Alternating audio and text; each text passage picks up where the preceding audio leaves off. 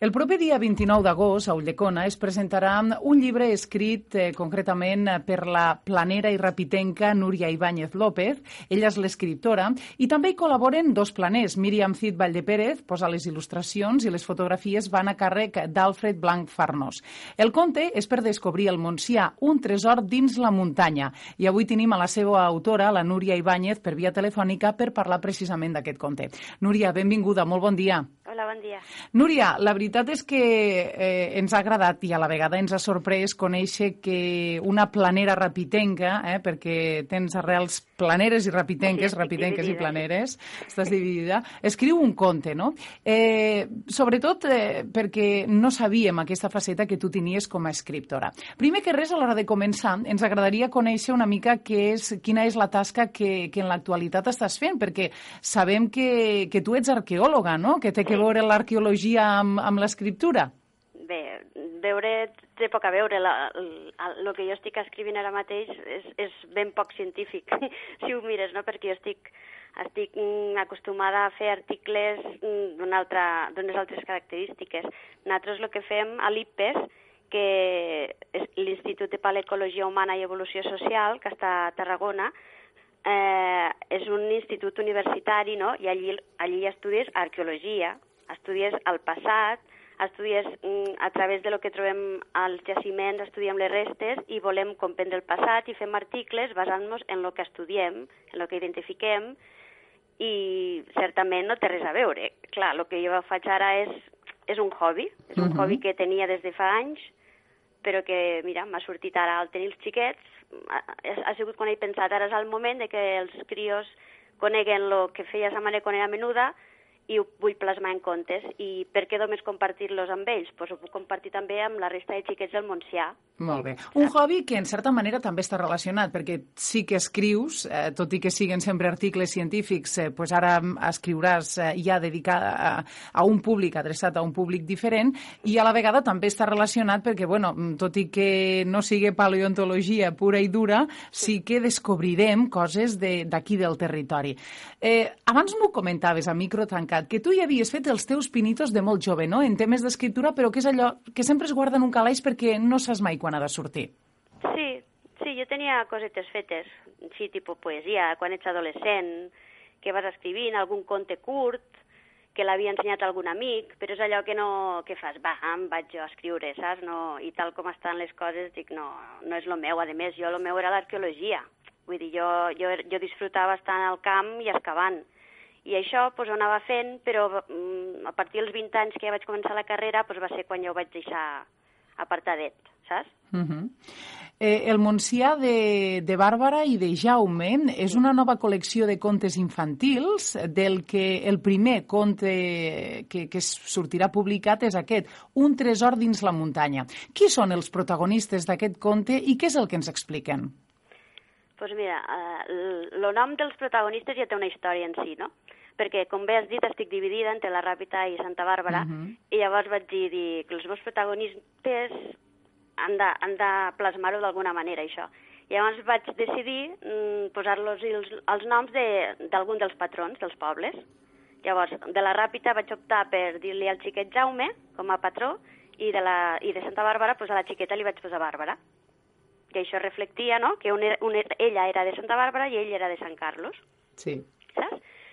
I, bueno, i aquests xiquets, pues, el que faran serà pues, el que feia jo de menuda en la meva colla, que coneixeu de sobres, que són els lights, dic que anàvem bici amunt i avall per, per on podíem arribar. Anàvem, pues, igual anàvem al barranc de la Folla a buscar frígol amb divendres sant, com anàvem per la Serra de Godall, com anàvem al, al com es diu, aquell restaurant que hi havia a la Creu del Coll, que arribàvem en bicicleta, que semblava que estigués superlluny, llavors, no?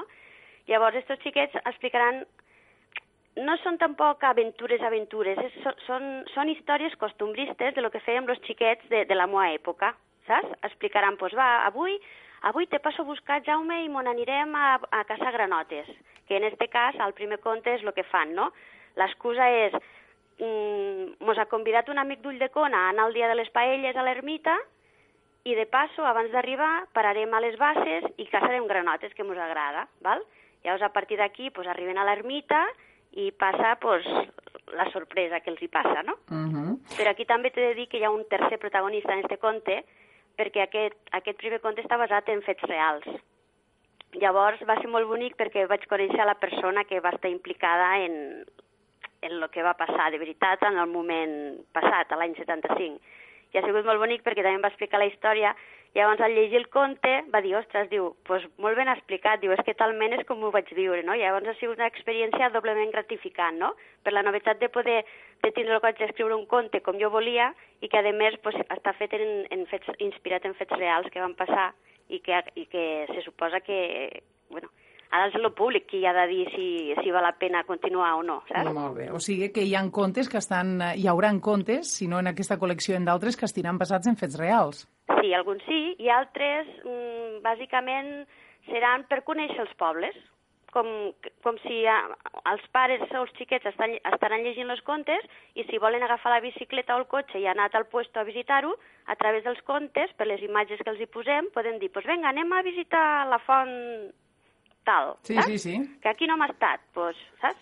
És descobrir o redescobrir racons, perquè jo suposo que la gent del Montsià quasi tot el que explica els contes ho coneixerà, però a vegades els xiquets, per falta de temps dels pares o el que sigui, pues ja reconeix que potser no, no hi vas, no? que els pares ho coneixen però els xiquets no. Llavors pues, també és una manera de, de tornar-se a apropar en aquests llocs. O sigui, ho podíem entendre també com a un conte amb rutes turístiques incloses. Sí, sí. Mm? Eh, per cert, tu tens dos, dos fills també, no? Sí, el Joan i la Marta. Sí. Eh, I a ells los hi has fet llegir, los hi has deixat ja llegir sí, en primícia? Sí, el sí. Quina sí. ha sigut la seva reacció? Què, què t'han dit? pues mira, a ells el que més gràcia els ha fet, perquè no t'ho he explicat, però la, quan vaig tenir la idea, el que jo tenia molt clar era que el que volia era que els xiquets disfrutessin com a xiquets, no? llegint un conte. I sempre has de buscar una miqueta d'aventurilla, de, de cosa divertida.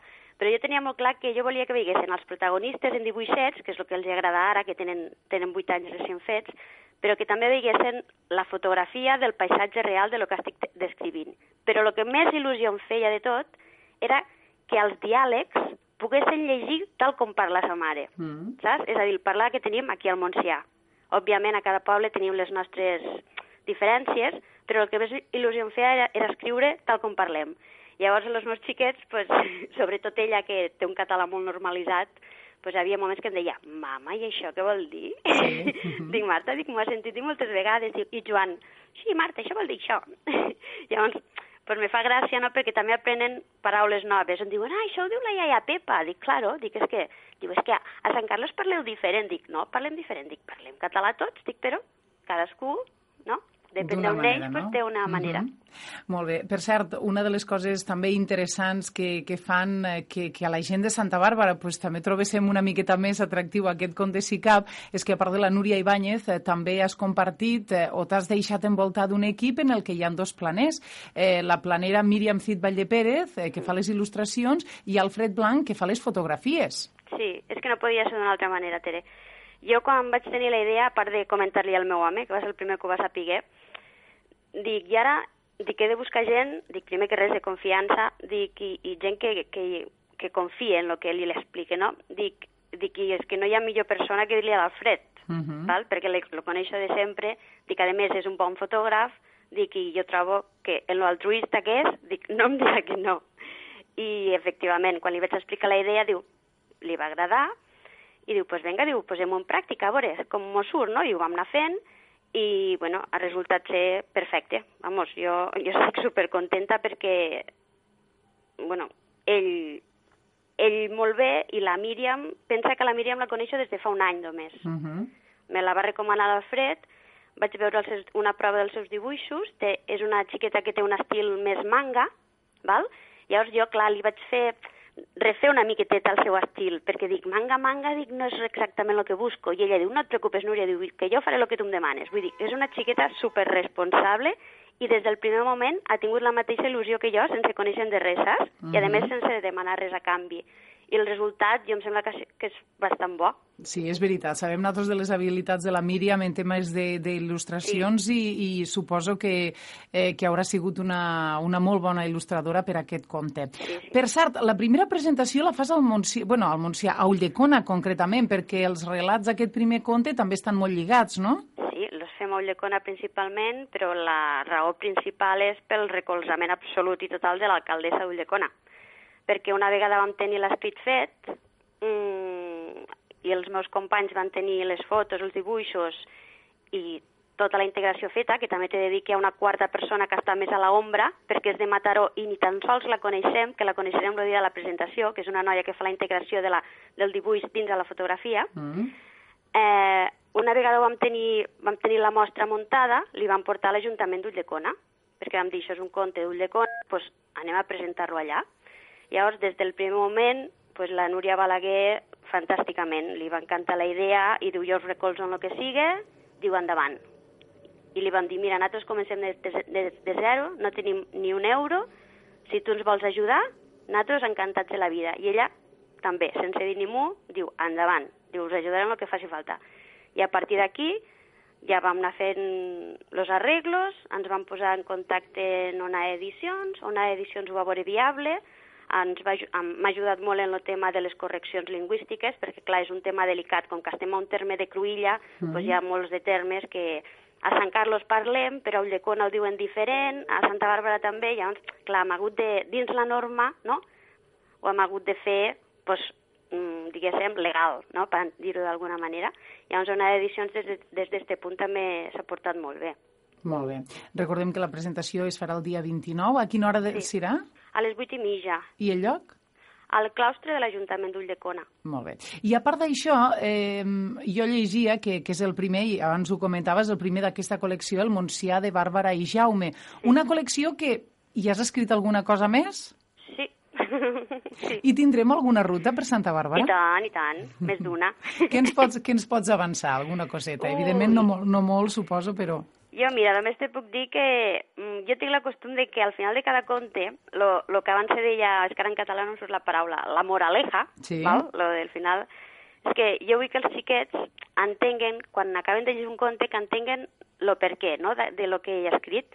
I en aquest cas jo el que defenso és que el, el patrimoni s'ha de cuidar perquè és el que fa que, en el nostre cas, la comarca segueixi viva, no?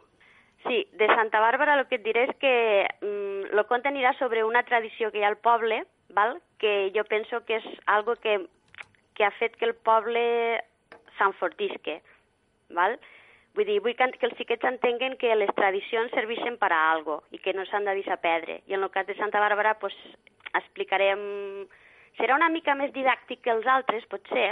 Serà, serà, sí, serà més didàctic però, però jo em sembla que, que us agradarà. Molt perquè bé. explicarà aquesta tradició que ha fet el poble arribar on està. De moment no avancem res més, perquè no. evidentment estem parlant encara del primer, no? Però sí, ja que sí. estàs aquí també teníem ganes, sí. evidentment, de, de que ens descobrissis algun, algun secret. De moment ens quedem amb aquest tresor dins la muntanya de Núria Ibáñez, que veurà la llum el proper dia 29 i la gent que, que vulgui comprar-lo, que vulgui adquirir-lo, com ho haurà de fer? On el trobarem? Bueno, pues això...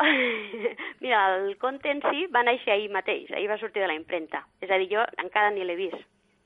Demà aniré a venir Carlo a veure com m'ha quedat i suposo que una d'edicions, a, a banda dels seus punts de venda habituals, pues, posar-se en contacte o en Onada o, o a les llibreries de la comarca segur que estarà, uh mhm. -huh. o en nosaltres mateixos, que també els hi podem aconseguir si ho necessiten. Molt bé. Núria, ja ho veus, eh, has tingut dos fills i ara en tens dos més que, que ens ajudaran a descobrir uh -huh. el Montsià amb, amb aquestes dos caretes, amb la Bàrbara i amb el Jaume. Sí. T'agraïm molt especialment que avui ens hagis acompanyat aquí a la Plana Ràdio i, i hagis fet el possible per a que la gent de Santa Bàrbara també se n'assabenti d'aquestes qüestions. Moltes gràcies gràcies. Gràcies a tu, Núria.